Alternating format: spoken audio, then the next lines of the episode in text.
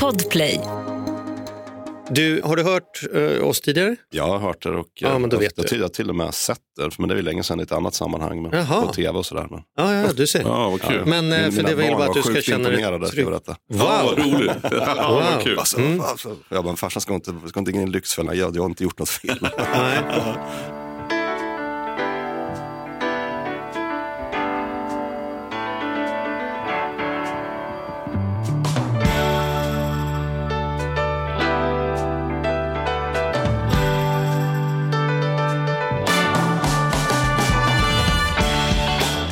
och välkomna till Ekonomi på riktigt med Charlie och Mattias. Hur är läget med Mattias Andersson? Jo, alltså, du låter lite dämpad. Va? Ja.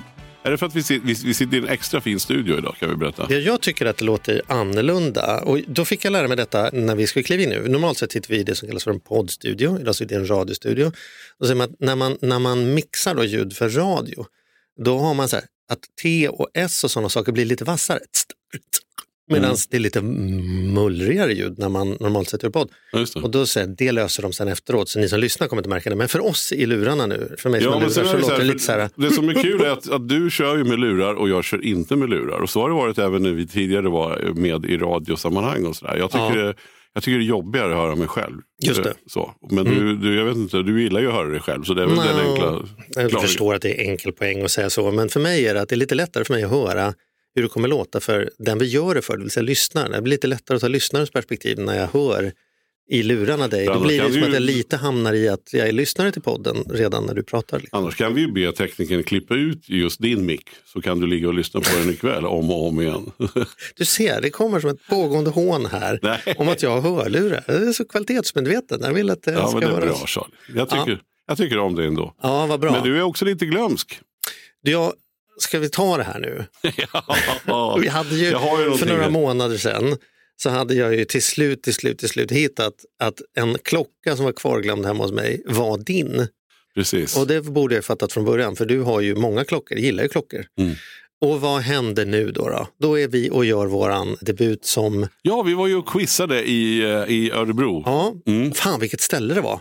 häftigt. Ja, Vi ja. gör en shoutout till Makeriet i Ja, Örebro. Det vi har faktiskt grymt. bokat upp att det kommer bli fler grejer där. Så att, eh, här det, under sommaren nu så kommer det hända. Mm, Mm. mm. Men då var det så att jag la min klocka på nattduksbordet när jag gick och la mig.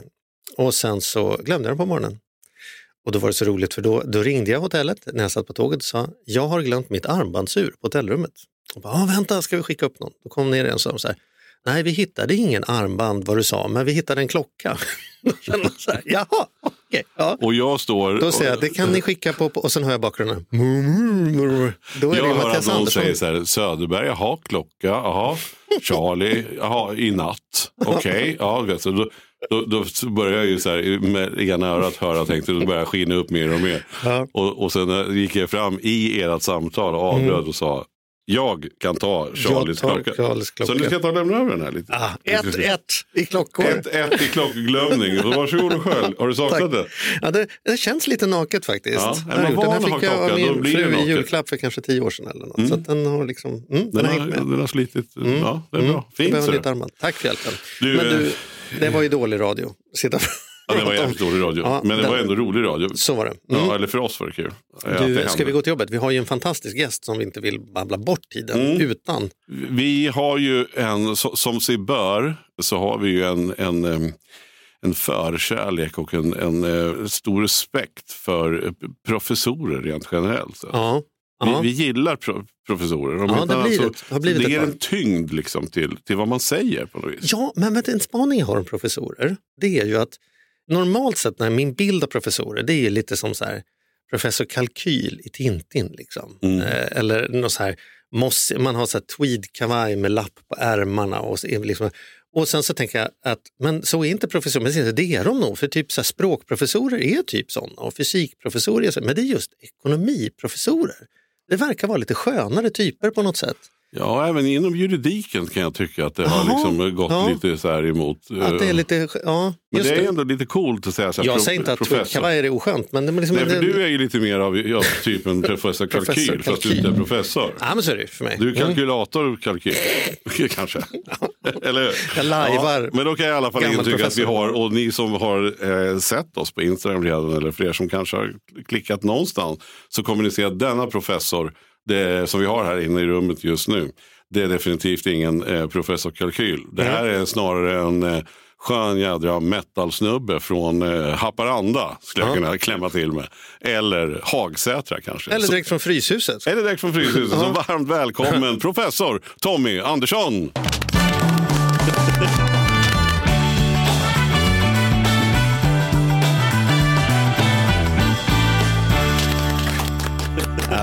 Tack snälla då. För, för jag börja med två dementier då. Så för det första så är jag inte från Haparanda.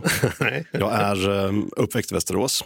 Och det andra är ju faktiskt att jag är ju en riktig professor kalkyl för att jag räknar ju som en galning hela dagarna. Det är det jag gör i mitt jobb. Liksom. Och en kalkyl är ju liksom en matematisk uträkning. Ja. Så den bemärkelsen är ju professor kalkyl. Men du kan, kan du Pythagoras sats till exempel? Ja, jo. Det, det är liksom det är högstadiematematik. Ja, jag vet. Jag, jag, jag försökte vara lite lustig Men, om, men om man kan så mycket om, som du kan om att räkna, blir det jobbigt för dig när människor inte kan räkna? Så, så, så att det är svårt att hjälpa barnen med skoluppgifter och grejer? Men för fan, sjuans tabell, skjut mig i huvudet. Liksom. Så här, jag tycker nog inte det för att jag vet ju själv att jag är oduglig på nästan allt här i livet. Jag kan till exempel inte köpa kläder på egen hand och sådär. För det är väldigt svårt för mig. Så att jag har liksom full respekt för att människor inte är bra på allt. Mm. Mm. Eftersom jag är faktiskt dålig på det mesta om jag ska vara helt ärlig. Jaha, ja, du, men, Fast det men tror jag sen, inte riktigt. Jag tror mest att du är ödmjuk. Nej men jag tror faktiskt det är så. Du kan fråga min fru. Alltså, jag har, senast jag försökte handla kläder till mig själv var typ tio år sedan. Och då kom jag ut med liksom två stycken så medium-sized svarta t-shirts. För att jag fattade inte vad som liksom var herr och damavdelningen. Så jag bara tog något i ren panik. Och sen dess hjälper hon mig så att säga. Men det är därför du ser lite metal ut. Vi ska ju, Ja, men jag är ju också metal. Ska vi, alltså, vi kan prata vi kan göra en specialpodd om metal. Ja, kan vi inte göra det? ja, Ja, det hade varit coolt. Ja. Ja. Vad är din bästa metal claim to fame Mattias? när, det, när vi har Nej, sådana gäster det, brukar det vi dra till med någon gammal i Metallica-grej. nutid. För här kommer nu någonting som Tommy kanske eller inte borde känna till. Jag säga. Men en, en barndomskompis med mig i dagarna här nu. Iggy Pop? Nej, en barndom, nej. Eh, som hade ett thrash metal-band som heter Mesro. De har sen lagt ner och Mm. har nu i dagarna släppt ett nytt album. Och den blev rankad som eh, bästa nya album i, vad heter det nu då? Met, inte Sweden, metal, säg en metal-tidning. Sweden Rock Magazine. Sweden Rock Magazine. Mm. Och har fått sådana här fantastiska. Så jag, jag är ju väldigt mycket i metal. Mm. Och, Vi kanske bjuder in alla våra gäster med metalintresse till en special Ja. Det hade varit roligt. Så kan jag stanna hemma. ja, och Joakim Kans har vi haft, i, Ja. eh, har vi haft som gäst. Som, Apropå Hammerfall då. Mm. Precis. Precis. Vad, vad, vad lyssnar du på? då? Vad är din metal? Alltså, alltså Hammerfall det är ju liksom 80-talet och sen körde man den 80-talsgrejen och sen har man fortsatt. På jag var faktiskt på varenda konsert från, som, som vi var i Alltså, Stockholm. det finns en kul anekdot. Eh, Det finns en fantastisk... Det eh, var hälften skinheads och hälften hårdrockare. Som ni märker har vi klippt bort ett långt session i den här podden när Mattias Vi tar det här specialavsnittet någon gång. Men vi får så, ta det. så går vi tillbaka till Ja, det vi måste få, om. det är väl roligt att få bara så här, alltså, det är fan, jag får hänga med dig sen ofta. Ja, är skönt ja. få in en snubbe i studion. Det vill jag känna så här, vi, vi har Ja, någonting kommer absolut, absolut. Vi- Ska vi prova Men- men ändå vi att gör gå lite gå till jobbet? Tycker du inte det? Ska vi gå till jobbet? Ja. Men då är det så här då, då, då går jag raskt på från metalen då. Så, Mm. Så är ju du ekonomiprofessor, men sen ser jag att du sitter och räknar. Mm. Ja, precis. Vi, vi räknar ju på massa, massa grejer. Så att jag är ekonomiprofessor i den bemärkelsen att jag är nationalekonom. Och vi måste ju ja, räkna på olika saker. Nationalekonomer de kan räkna på sådana här saker som vad man tror om räntor och BNP och sånt. Det är det vi kallar för makroekonomer. Jag har något annat, det är det vi kallar för mikroekonomer. Och vi håller mycket på med ja, till exempel vem borde få vad. Och det kan ju låta som en, en ganska löjlig fråga, men det kan ju vara ganska viktigt. Till exempel vem ska få ett nytt organ eller vem ska tilldelas en skolplats och den typ av frågor. Men hur går det till? Räkna. ringer, ringer en läkare till dig och säger så här, vi tycker det är lite oklart vem jag som ska få organen, kan inte du räkna åt oss? Eller hoppar du in och bara som Nej, men alltså- kalkylmannen, Ja, precis. nu har jag men det var räknat ju åt lite er. så att, att eh, 2012 så delades det ut ett Nobelpris i ekonomiska vetenskaper inom det som kallas för matchningsteori som jag har jobbat mycket med. Mm. Som handlar om hur man ska koppla ihop saker. Och en av de tillämpningarna i det här priset var just hur man bör matcha ihop till exempel njurar med patienter i behov av nya njurar för att man ska kunna transplantera fler människor helt enkelt. Mm. Och det här har man gjort i USA på lite andra ställen men inte i Sverige. Så ja, på lite olika omvägar kan man väl säga så kom jag i kontakt med lite transplantationsläkare. Och tillsammans utvecklar vi en, en algoritm för hur man ska koppla ihop ja, organ med, med sådana som behöver organ helt enkelt. Där vi trycker på en knapp och så räknar vi och sen ser vi vem som, ja, vem som får ett organ helt enkelt. Mhm. Och då är det ingen så här slumpgissning? Utan då Nej, är det är ingen slumpgissning, det är en ganska sofistikerad liksom. gissning för att det har att göra med att man dels måste man kunna måste man ju passa ihop rent liksom immunologiskt och medicinskt. Men sen vill man också göra det på ett sånt smart sätt så man kan rädda så många liv som möjligt. Mm. Och då måste man kunna räkna ganska rejält helt enkelt. Just det. Men du, idag Det är tänkte vi att ja, det det, är, det, ju, det, ja. det är många hål, kaninhål vi kan trilla ner i här. Men jag har Ja. ett speciellt och det är att jag tänkte att vi ska prata om demokrati idag. Ja, Därför att, eh, dels därför att du är en hejare på just beräkningsbarheter och sånt kring demokrati, men också därför att det har kommit en bok på ämnet. stämmer. Och då tänker vi att vi ska göra vårt jobb och åtminstone ge dig en chans att säga någonting om den här boken. Ja, Annars vad är risken att det blir någon PR-person här i bakgrunden som blir skitförbannad och säger nu nämnde han inte boken. Berätta, vad är det för bok? Ja, den heter Demokratiparadoxen och vad den handlar om egentligen, lite kortfattat kan man säga att eh, vi tar ju kollektiva beslut i vår vardag varje dag, alltså gruppbeslut. De allra flesta av de här besluten de är ju ganska oviktiga.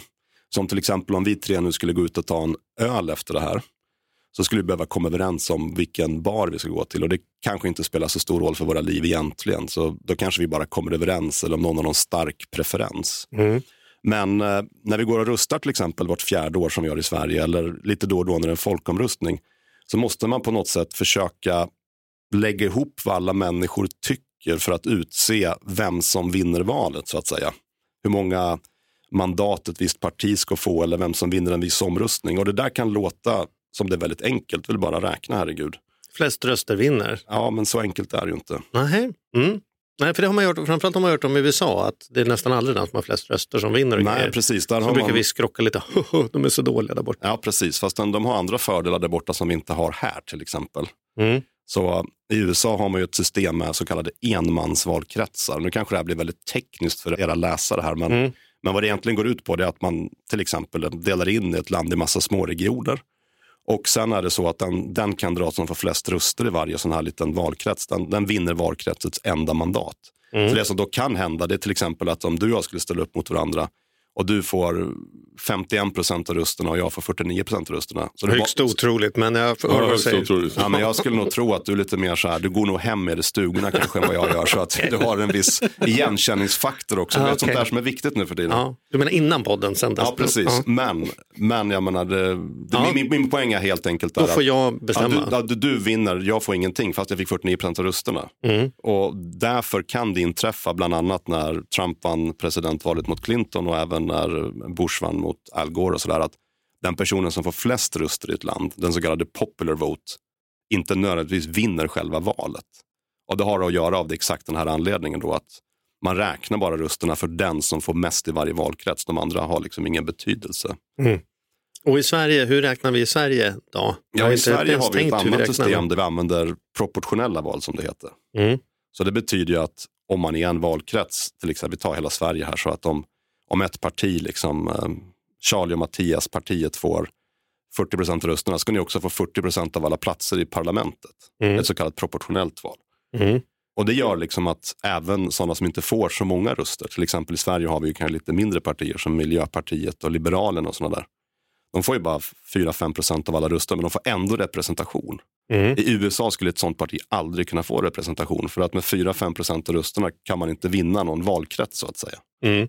Men, och det kanske är fel fråga att ställa till en, en professor, men är det bra eller är det dåligt? Liksom? Ja, det, ja, men det är en jättebra fråga faktiskt. För att här måste vi, det är två saker här. Så att det som man kan säga är väldigt bra med det svenska systemet, det är att även liksom mindre partier och liksom, vad ska jag säga, åsikter som kanske inte är så brett representerade får möjlighet att bli hörda. Mm. Så att partier som får 4, 5, 6 procent får en möjlighet att påverka politiken.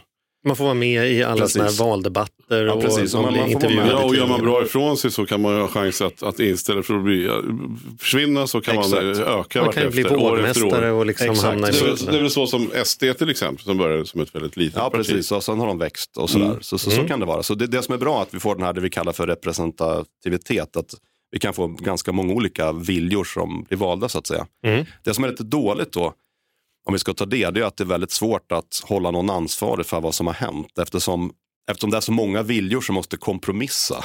Ja. Så blir det ju så att man kan alltid, de kommer skylla på varandra. Det var ju, vi var tvungna att gå med på det här för det partiet ställde det kravet på oss och det är inte vårt fel och den har gjort det här. Mm. Till skillnad då från ett system där man har i USA. Där har man ju då nackdelen att där har vi bara två dominerande partier och anledningen till det är för att ett parti som får 3-4-5 procent av rösterna aldrig skulle ha en chans någon gång att bli representerade. Så de finns helt enkelt inte. Men å andra sidan är det ganska lätt att förstå vilka det är som eh, man kan utkräva ansvar av. Mm. Eftersom om det sitter två partier och ett av dem är i makt, då är allt deras fel om det går åt skogen. Mm. Eller allt är bra om, om det går liksom åt rätt håll så att säga. Mm. Så vi har den här, liksom, vad är bäst? Ja, det är väl en smaksak, men i Sverige får man en bredare representation, men lite svårare kanske att förstå vem som är ansvarig för besluten. Och Men- USA precis tvärtom. Men om, om vi hade liksom fått här samhällskris nu och sagt så här, vi ringer dig, precis som eh, kirurgerna ringer dig, vi säger vi ringer dig, kan inte du designa ett system som du tycker är det optimala systemet? Vilket lands system ska säga, då ska vi köra på det filippinska eller det, liksom, jo, det nej. norska? Alltså så här, vilken, vilken, vad är det sweet spot när det gäller Ja, jag, demokratiskt? fattar, jag fattar vad du är ute efter här, men grejen är den att alltid när man intervjuar sådana här professorstyper som mig så är vi alltid så väldigt försiktiga med vad vi säger, för vi vill inte säga något som är fel. Ni måste alltid ha underlag för vad ni säger. Det måste Mm. finnas, Precis. det måste finnas eh, Jag vet, forskning. jag vet, vi är superfega, så, så att jag vet inte vad jag ska säga. Men det, det jag kan säga däremot är att jag tycker Sverige har ett ganska genomtänkt system. Det betyder inte att det är perfekt, men, men att det svenska systemet tycks vara ganska bra. Men om jag skulle vända på frågan och säga så här, vad är din personliga favorit av alla system? Är det någon som du har Ja, lite extra svag jag, ty- jag tycker ju om eh, proportionella val som vi har i Sverige. För Mm. att jag tycker att det är viktigt att vi ska kunna få en, en bredare spektrum av åsikter representerade. Jag tror, jag tror det är viktigt för demokratin. Mm. Det kanske också minskar den här sannolikheten för polarisering till exempel. Att om man har två partier som då kan de ställa sig alltid direkt konflikt mot varandra.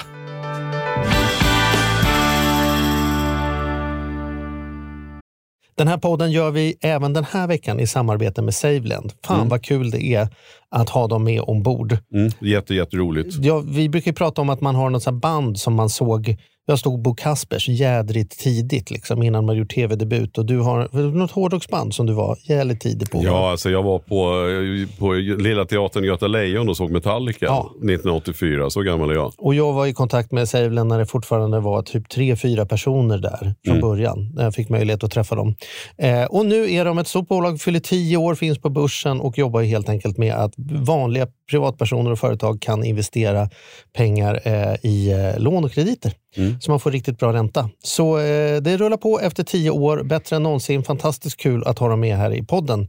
Gå in, testa, kolla. Vi har en kod som gör att om du öppnar ett konto och använder på riktigt får du dessutom en insättningsbonus just nu. Precis, och vill man veta mer så som sagt gå in på saveland.se. Man kan också lyssna på Ludvig som har varit gäst i vår podd två gånger. Då får Ja. man en ännu bättre inblick i Ja. vad, vad det är de pysslar med egentligen. Men eh, ja, saveland.se och stort tack. Ett poddtips från Podplay. I fallen jag aldrig glömmer djupdyker Hasse Aro i arbetet bakom några av Sveriges mest uppseendeväckande brottsutredningar. Går vi in med hemlig telefonavlyssning och, och då upplever vi att vi får en total förändring av hans beteende. Vad är det som händer nu? Vem är det som läcker? Och så säger han att jag är kriminell, jag har varit kriminell i hela mitt liv men att mörda ett barn, där går min gräns. Nya säsongen av Fallen jag aldrig glömmer på Podplay.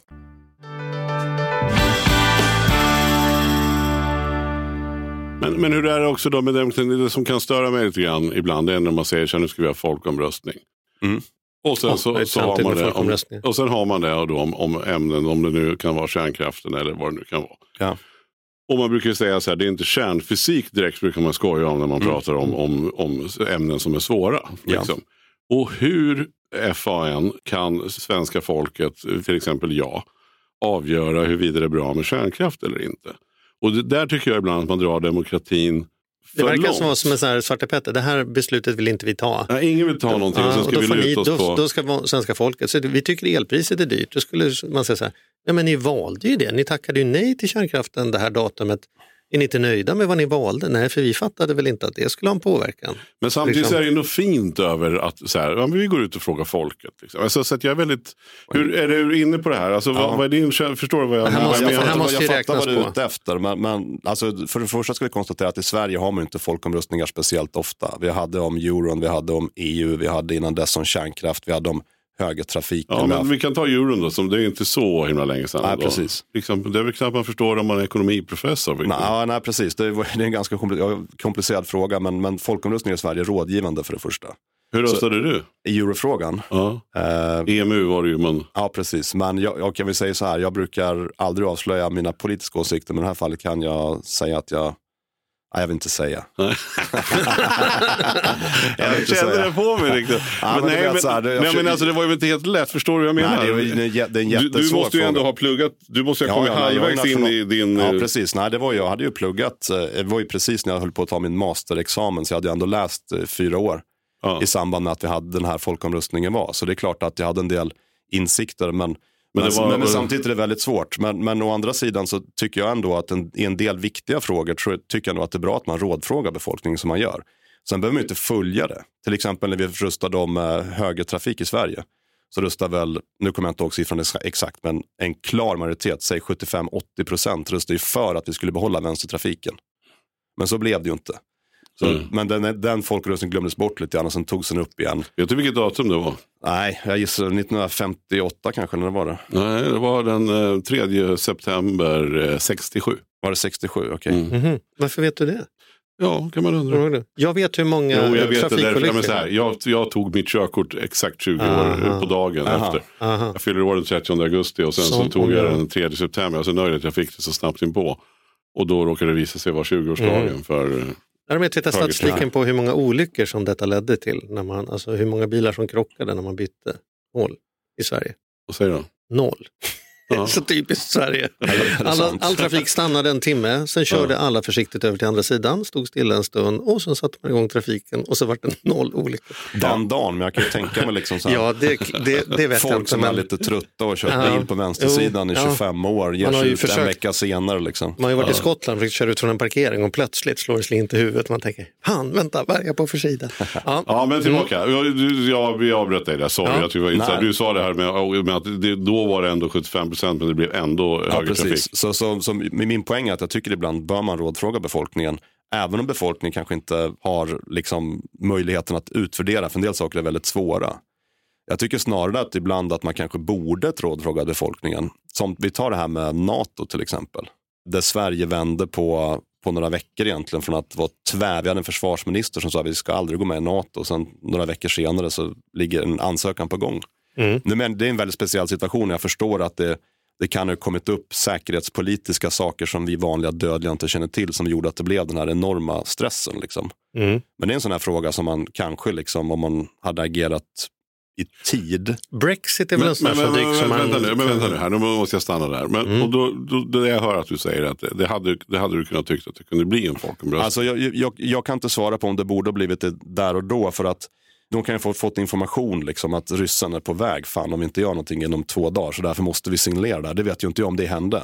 Men det jag menar är att vi ändå haft en NATO-debatt ganska länge och det hade ju varit en typiskt sån bra fråga att rådfråga svenska folket om. Och vad skulle jag och min son och Charlie och du kunna veta huruvida det är bra för Sverige eller inte? Nej, men, men precis som jag gissar att, att väldigt många av våra folkvalda representanter också har ganska dålig koll så har vi dålig koll. Och jag tycker att en del frågor är så viktiga för det, det blir en, vi omstöper samhället på något sätt.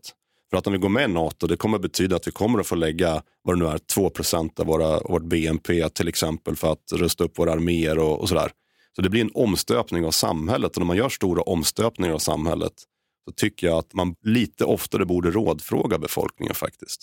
Jag tycker det här till exempel... Oavsett om man Ja, sen men det här följer tycker jag är intressant. Det är därför jag triggar lite. För, att- för att rent Ja. sakkunnigmässigt så har man ju inte en aning om vad som är bäst i ett Nej, nej, sånt precis. Och- och- utsatt säkerhetsläge. Men det kanske finns en, så här, vi håller ihop, vi går tillsammans, en psykologisk eh, feeling liksom, som är ja, viktig. Men, ja, men lite så. För att jag menar, det är också ett ganska stort beslut att lämna över på 349 riksdagsledamöter liksom, som ska ta ett beslut som kommer påverka Sveriges befolkning för gud vet hur lång tid framöver, men dussintals år förmodligen. Mm. Mm. Och, och då kanske man åtminstone kan rådfråga befolkningen, för det kan ju vara så att det finns en väldigt klar, alltså 85 procent vill av någon anledning och då verkar det som att ja, det finns ett stöd så det, det känns liksom demokratiskt väldigt rätt att göra det här. Men säg att det skulle visa sig att 75 procent är emot. Alltså, då får de kanske fundera på ja, att argumentera lite mer för varför man ändå vill göra det. Och det tror jag hade varit bra. Men vad är det mer du säger i din bok då? Det är lite, Ja, men du vill ju veta den där paradoxgrejen. Demokrati har vi pratat en del, men du säger demokratiparadoxen. Det måste finnas en paradox. Ja, det, där, finns, mass, det finns massa paradoxer. Aha, ge oss några. Alltså, Give us the good stuff. Ja, det är good stuff. Det är en hel bok om massa paradoxer. Men om vi, vi, börjar med, vi, vi, vi, vi börjar med vad en paradox är. Ja. Så att era lyssnare, om, om någon kanske har glömt bort eller sådär. Men en paradox, det är ju, vad ska man säga, det är en, det är en oöverensstämmelse mellan vad en teori förutspår och vad det sunda förnuftet förväntar sig. Ja. Så man, man säger någonting som låter liksom helt galet och sen visar det sig, vänta det här kan ju fan vara sant.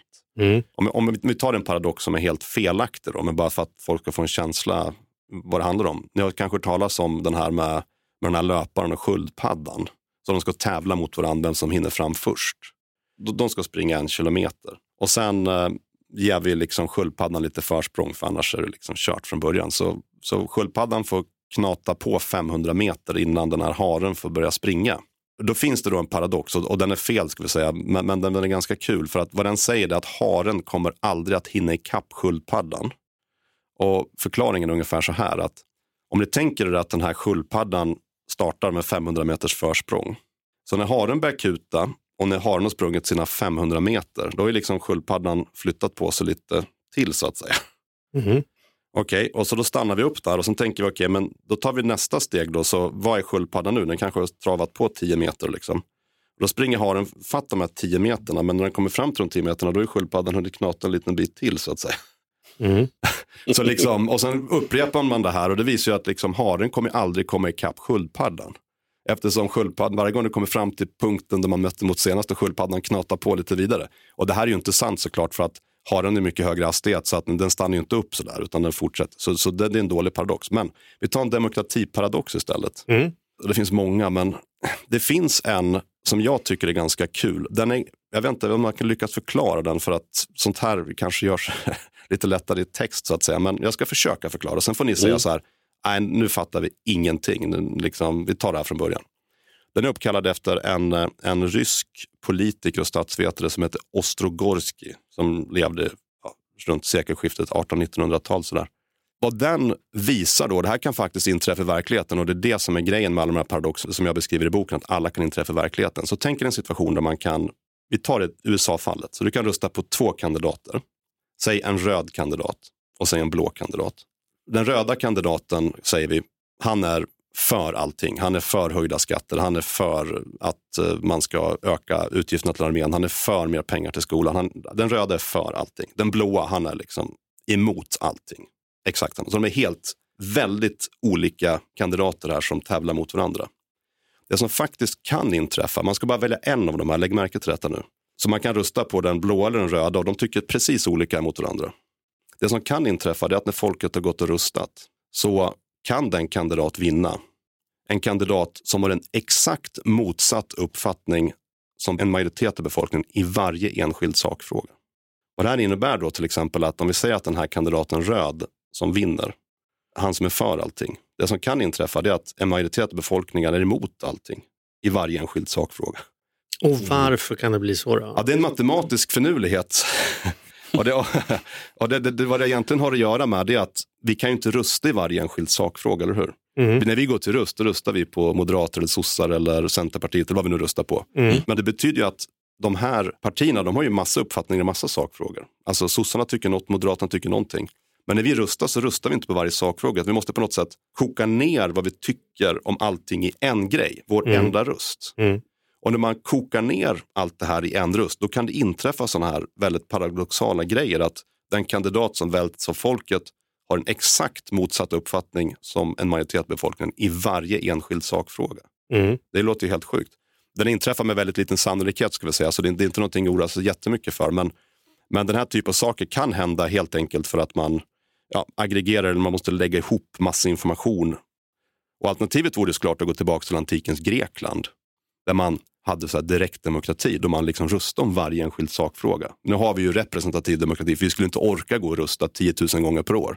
Och framförallt inte sätta oss in i 10 000 saker per år. Nej, precis. Men det var ju faktiskt så, det är få som känner till att i Sverige hade vi ju direktdemokrati i många kommuner ända in på 1950-talet.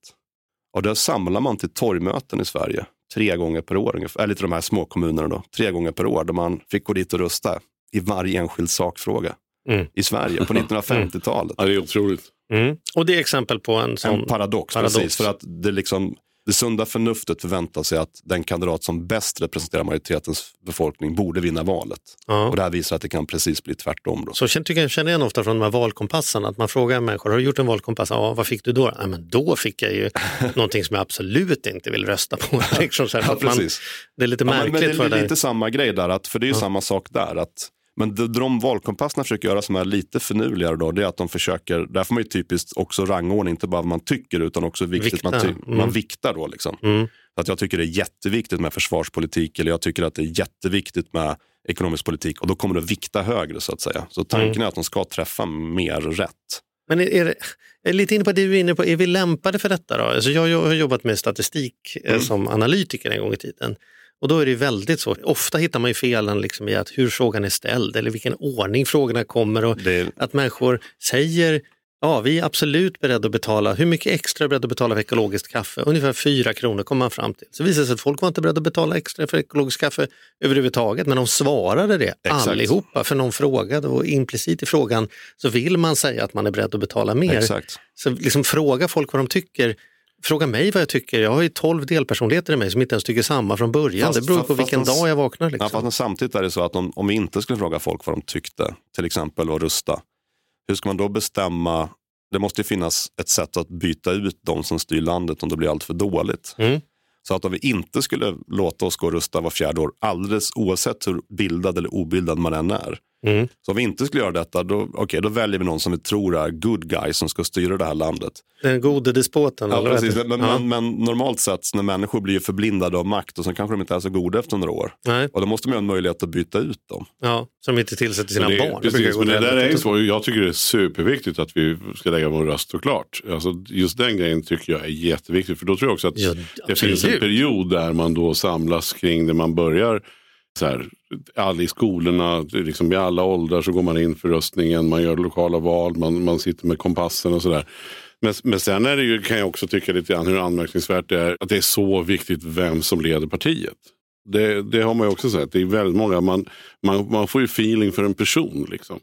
Är det befogat skulle du säga? Är det så att den som leder ett parti, liksom, kan man räkna på att det slår på rösterna är ju tydligt, populariteten, men slår också på, på politiken lika mycket? Det finns ju någon grej om att lag som byter tränare mitt under säsong, det- då Ja. blir publiken jätteglad när det går dåligt, men det visar sig att det går alltid Ja, jag- ännu sämre. Ja, precis. Nej, jag, jag ska liksom göra det besviken. Jag vet faktiskt inte om det finns någon sån forskning så jag vågar inte uttala mig om det. Men, men det, det är klart att rent allmänt så spelar ju karisma roll, så är det ju. Mm. Jo, men titta på Liberalerna här nu senast. Jo, Eh, jag tror att det, det, det, påverkar det var ju, det var populariteten. enorm skillnad när Johan Persson kom in. populariteten ja, men frågan är har de börjat driva en annan politik? För egentligen, Nej, jag ska nej, inte det- käka middag med karln. jag ska ju ha honom till att prata i min sak. Säger han något annat än den förra sa, det borde vara det som avspeglar Mm. sig i rösterna. Det är därför jag liksom, demokrati är ju inte jag emot på något sätt. Men man behöver inte titta speciellt länge på, på en eh, liksom sån här partiledardebatt för att tänka, är det här argumenten så måste det betyda att det är sånt här folk på riktigt går igång på. Och då tycker jag det är jävligt låg nivå. Är det, Ja, men är det det ja, här förvånad. grundet Jag- på så här jag- folk jag ska gå och om du såg rösta? partiledardebatten härom, häromdagen. Nu, nu skulle inte göra någon politisk recensent Ja, här, men, ja. det, men det var ju... Så jag länge man orkade, det var ju pinsamt Ja, i jag, mina tyckte ögon. faktiskt, Liksom. jag tycker faktiskt också det var väldigt låg debatt. Däremot är det viktigt att man fortsätter ha de här debatterna, hur låg kvalitet det än är på dem. Och jag hoppas ju att man hittar något format någon gång där man börjar prata sakpolitik och släpper den här pajkastningen som det har varit ganska länge nu. Men det är är dessvärre ett mönster man kan se i, många länder. Mm. Jag menar, Trump vände upp och ner fullständigt på det politiska landskapet i USA till exempel. Genom att börja med sin pajkastning och sen kidnappar man hela republikanska partiet och sen börjar vissa demokrater hänga på i det här också. Liksom. Så det, en högre nivå hade varit önskvärt men även alldeles oavsett hur låg nivån är, är det ändå viktigt att, att man får se att de finns. Men sen önskar man en högre nivå, jag gör personligen i alla fall. Men skitsvaret här är att vi brukar få de ledarna vi förtjänar. De har väl den nivån därför att de kommer undan med det, därför att folk tycker att det är ju detta man röstar på. Annars hade vi väl röstat på något annat då? Eller? Ja. Kan man vara så taskig och säga det? Ja, kanske, men, men man, måste, man måste ju också komma ihåg, om man jämför till exempel, återigen svenska och det amerikanska systemet, det som, en sak som skiljer det, som egentligen gör att det amerikanska systemet, jag tycker det i grunden är ganska fint sådär att jag kan vara liksom, tillhöra ett visst parti och sen ställa upp för det här partiet, egentligen alldeles oavsett om partiet vill ha mig eller inte. Som Trump, han körde ju uppenbarligen för republikaner, de ville inte ha honom överhuvudtaget i början. Mm. De tyckte han var en riktig riktig stolle, han gick kidnappade deras parti på något sätt. Mm. I Sverige har vi en annan strategi då där, där vägen upp till partitoppen är väldigt lång. Att man måste gå liksom ofta hela vägen från ungdomsförbund och måste liksom Så upplever jag att man har blivit liksom förstörd på vägen. Det finns liksom inte så mycket kontakt med verkligheten utan man har blivit någon parti, liksom, drejad figur där. Jag tycker oftast det. Så Ja, det, det är min, det, det- är en åsikt då jag Ja, har. det, det får stå Så för det dig, känner jag igen i det här systemet, att det blir så här, Ja, precis. Så- mer av samma. Liksom. Ja, precis. Så det svenska systemet kan man tycka det är ganska, ja, det, det, är ganska, det är ganska segt att ta sig in så att säga. Det Mm. amerikanska systemet kanske är tvärtom. Det kanske är för lätt att ta sig in, att man kan kidnappa ett parti då. Mm. Jag är republikan och nu kör jag, eller jag är demokrat för den delen, eller vilket parti man nu vill ge sig in i. De har inte de här strukturerna kring sig som vi har traditionellt sett har haft där, eller har här i norra Europa i alla fall. Du, jag har en fråga och som handlar om det här med fyra år. Ja. Det verkar ju som att från min lilla, liksom, utan, jag som inte behöver räkna på saker utan bara Mm. kan sitta och killgissa, att de besluten vi fattar nu tar en lång tid innan vi, vi som befolkning faktiskt ser effekterna av. Och vi är en väldigt liten liksom, ranglig båt på ett stort hav av liksom, europeisk och världspolitik och så vidare. Är det verkligen rimligt att vi ska utvärdera ledandet av landet? Är, är fyra år en rimlig regenttid för att vi ska kunna avdöma om det här verkar vara på väg åt rätt håll eller inte? Ja, det är en bra fråga och det finns, det finns nog inget, inget bra svar heller. Men vi hade ju tre år i Sverige fram till början på 90-talet. Jag tror Kalle Bildt-regeringen 91 till 94 var väl den sista som satt på en treårsperiod, om jag minns rätt, vilket jag hoppas jag gör. Mm. Men, men sen ändrade man ju till fyra år av exakt de skälen du sa, att man tyckte det var för kort tid. Men man ska veta att det är väldigt många saker i, i det svenska valsystemet och alla valsystem som egentligen är bara någon anser att det här är rimligt av någon anledning. Till exempel det här fyra år. Det är det som säger att det inte kan vara fem år eller sex år för den delen. Varför inte gå tillbaka till tre år? Precis som det som säger att gränsen att bli invald i parlamentet ska vara 4 procent.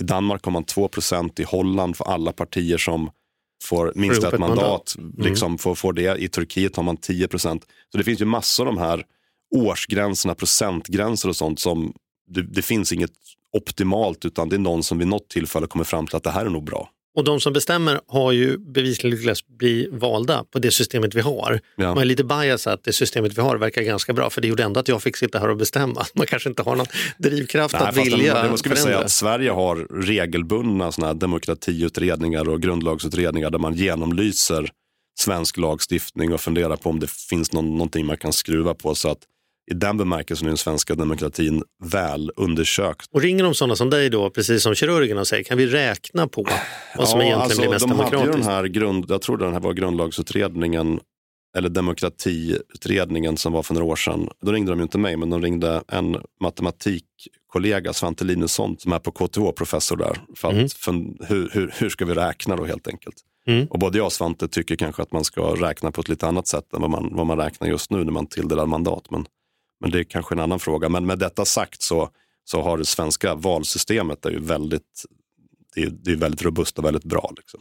Men hur är det för dig nu då? Jag tänker det är oundvikligt nästan, tycker jag i alla fall. Min känsla om jag skulle sitta med dig. Vi brukar ju säga att vår podd är som att vi, man, man är på en hemmafest och sitter och, och, och, och surrar. Och om jag skulle träffa dig som är ekonomiprofessor och, och, och matemat, alltså du sitter och gör oerhört avancerade beräkningar, till och med värre än Pythagoras sats. Eh, Då undrar jag, hur, hur känner du med, med AI nu då? Som har varit en extremt eh, Ja, är du rädd att bli arbetslös eller vad, vad kommer det här att, att ta vägen? Jag tycker att det är, ja men alltså för mig har det ju gått bara sista månaderna så har det ju liksom hänt tidigare. Jag har suttit liksom innan har man ju suttit med Google och så här harkat fram. Nu är det ju liksom, jag använder ju, jag använder ju den där ChatGPT. ChatGPT dagligen. Liksom. Mm. Vad, vad, vad säger du?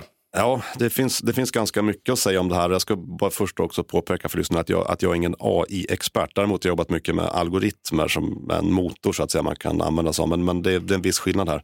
Men eh, man börjar ju se någon typ av tecken på någonting som eventuellt kan liknas vid någon typ av intelligens. Man bråkar ju om huruvida det här är intelligens eller inte. För att vad många av de här systemen bygger på det är så kallad maskininlärning.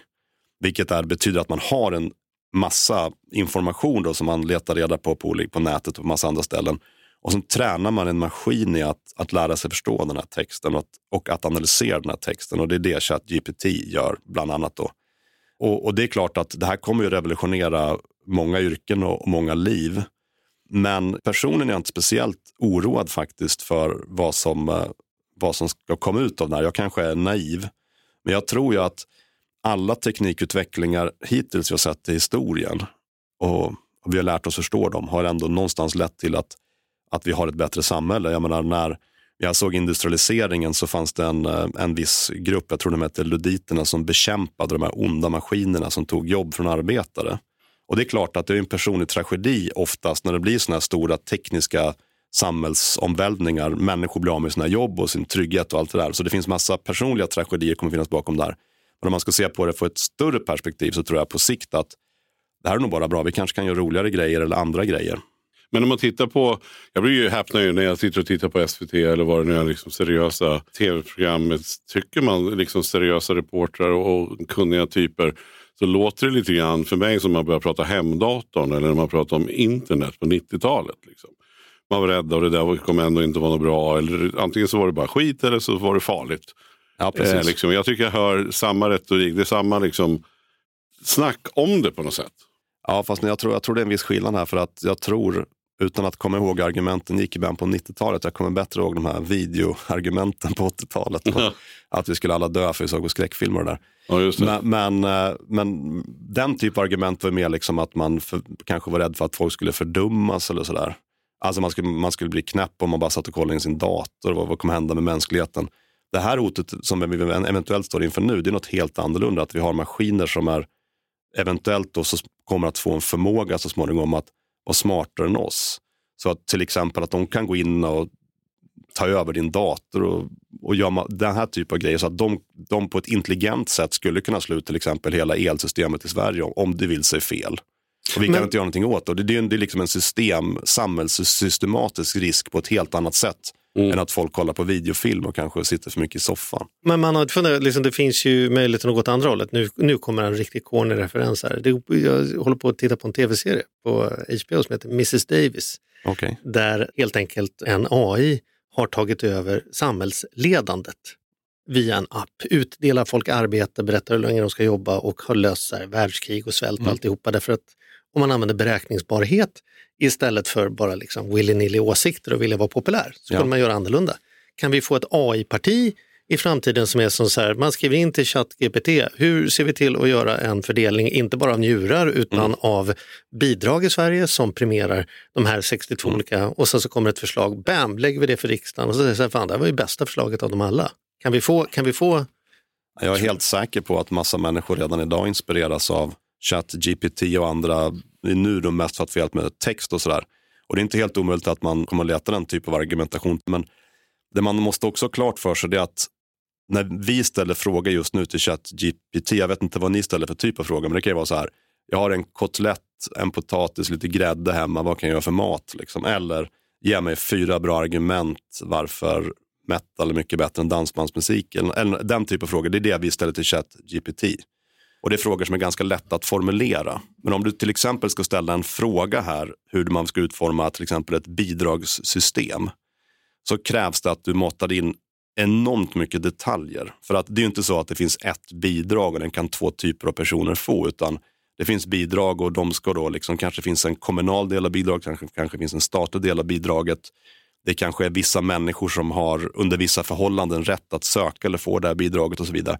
Så det är fortfarande så att det är hundratals detaljer som måste in för att du överhuvudtaget ska kunna ställa frågan. Mm. Men det är ju likadant för den stackars riksdagen som sitter och fattar beslut. Är inte en dator mer Precis. lämpad att ta in de här hundra parametrarna än liksom ja, partimänniskor? Då, måste du också ha ett mål. Då. Så om vi tar till exempel det här med grön energiavdrag vi haft nu för solceller och laddstolpar för bilar och sånt där.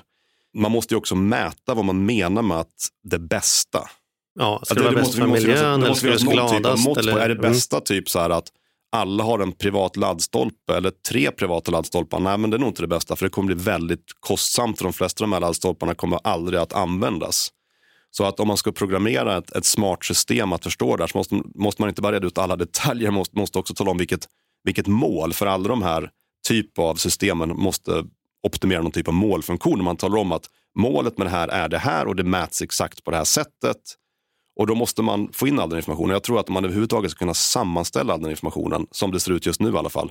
Det är, liksom, det är så kostsamt så att för liksom en människa att göra och med de system som finns idag är det så svårt. Men i framtiden så kanske det är möjligt att göra det här enklare. Men idag är det, jag tror det ligger väldigt långt fram i tiden. Men det kanske också handlar om att man fortsätter att använda AI som ett jädrigt bra redskap och man lär sig att jobba, jobba med den på bästa sätt. Eller? Ja, precis. Mm. Men, men, du som liksom, statsvetenskap liksom, och nationalekonomi och du gillar att räkna. Hur tycker du att det går för oss i demokrati? Tycker du att de politiska besluten som fattas verkar vara liksom, matematiskt underbyggda? Eller sitter du och säger att det är 2% av besluten som jag kan härleda till någon typ av så här, mm. saklig grund och 98% verkar mest vara fanservice? Ja. Liksom. Eller är det ja, jag, jag, jag har inte räknat på den, men samtidigt är det återigen det är väldigt svårt att veta för att det kommer alltid in något, något normativt, alltså något hur man tycker saker och ting bör vara. Så om mm. vi tar till exempel ett mycket lättare beslut, eller lättare, men om vi tar det här med njurar till exempel. Vad hade varit mest rätt? Är det mest rätt att transplantera fem stycken 87-åringar eller en 17-åring? Alltså det beror på om man mäter antal transplantat man gör så är det klart det är bättre att transplantera fem 87-åringar. Men samtidigt... Och då, måste vi, då måste jag hitta på då, så, att vi måste, mäter måste, på antalet ja, livsår det blir så, så totalt. Baserat liksom. på exakt samma fakta mm. kan två människor från två säg, politiska bakgrunder komma fram till helt olika beslut på samma fakta. För om de lägger till något annat än just än bara siffrorna och matematiken. Mm. Även om vi enas om att statistiken, matematiken säger så här, så kan det finnas något normativt i bakgrunden som gör att jag tycker ändå så här, för jag tycker det här är mer rättvist eller jag tycker det här är mindre rättvist. Mm. Så den bemärkelsen är nog väldigt svårt att man, man kan inte kvantifiera allt och man bör heller inte kvantifiera allt. Mm. Däremot så kan matematik och statistik ibland hjälpa oss att ta fram underlag för beslut på ett bra sätt. Men i slutändan handlar det mycket om vad vi tycker och hur man tycker samhället ska organiseras och, och, och rättvisa idéer och sånt där. Mm. Ja, det här skulle vi kunna prata om i tre timmar till känner jag. Ja, det är ja. otroligt intressant alltså. Men du, om man läser din bok nu då, vad kommer jag få ut när jag läst boken? Kan man som lekman känna så här att det här, det här ja, men... kommer nog sätta lite griller i huvudet. Vad vill du? Alltså, boken? så här, om nu kommer jag svara i ungefär en och en halv minut. Men jag tänker så här, att jag försöker skriva boken på ett väldigt tillgängligt sätt. Det handlar om allt möjligt från hur djur tar demokratiska beslut eller inte demokratiska beslut till hur nunnorna gjorde i Venedig på 1500-talet till eh, raketforskning. Den spänner över hela spektrat, men det gemensamma temat är demokrati. Och jag tror att det jag egentligen vill ha sagt med den här boken, det är att demokrati är egentligen två saker. Det är att dels har det att göra med hur vi vill organisera samhället. Det har att göra med det här med yttrandefrihet, pressfrihet, åsiktsfrihet och allt sånt. Det, det är en del av demokrati. Den andra delen det är demokrati som beslutsform och det är det min bok handlar om. Det vill säga hur ska man väga samman röster för att fatta demokratiska beslut. Och Jag tror att alla människor som är intresserade av att förstå lite mer på ett populärvetenskapligt, ibland lite roligt sätt hoppas jag, förstå vilka problem som kan uppkomma och inte uppkomma, har nog glädje av min bok, mm. tror jag. Ja, spännande. Ja. Då får du säga en gång till vad den heter nu. Då, den heter Demokratiparadoxen. Demokratiparadoxen och ska bli tv-serie på HBO har jag hört också kanske. Eller ja, det får vi inte säga ännu. Nej, vi får inte säga något än, men, men, det är både mm. Netflix och HBO mm. och, och alla andra intresserade. Men framförallt, ja, rykten igår har jag hört. Ja, men framförallt är ekonomi på riktigt intresserad av det. Och det är ju liksom, om man fick välja mellan Netflix och ekonomi på riktigt så vet ju vi alla tre vad man väljer. Ja, ja precis, för då har vi tagit hänsyn till fler aspekter. Ja, precis. Det är bättre gage här bland annat. Just det. Ja. Och när vi det här rummet är alla överens ja, faktiskt. Vi är alla överens, precis. Ja, det är metal som gäller. Alla får två mot en här. Två mot en och du, du väger alltid tyngre. du, eh, Tommy, det var nära att ha dig med. Hoppas att du kan komma tillbaka till våran podd. Ja, men jag kommer jättegärna tillbaka. Bara ring mig. Mm. Ja, det gör vi. Tack så jättemycket. Tack snälla.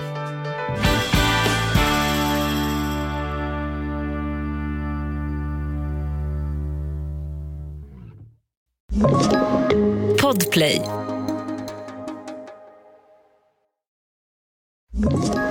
Ett poddtips från Podplay. I podden Något Kaiko garanterar östgötarna Brutti och jag, Davva, dig en stor dos skratt. Där följer jag pladask för köttätandet igen. Man är lite som en jävla vampyr. Man har fått lite blodsmak och då måste man ha mer. Udda spaningar, fängslande anekdoter och en och annan arg rant.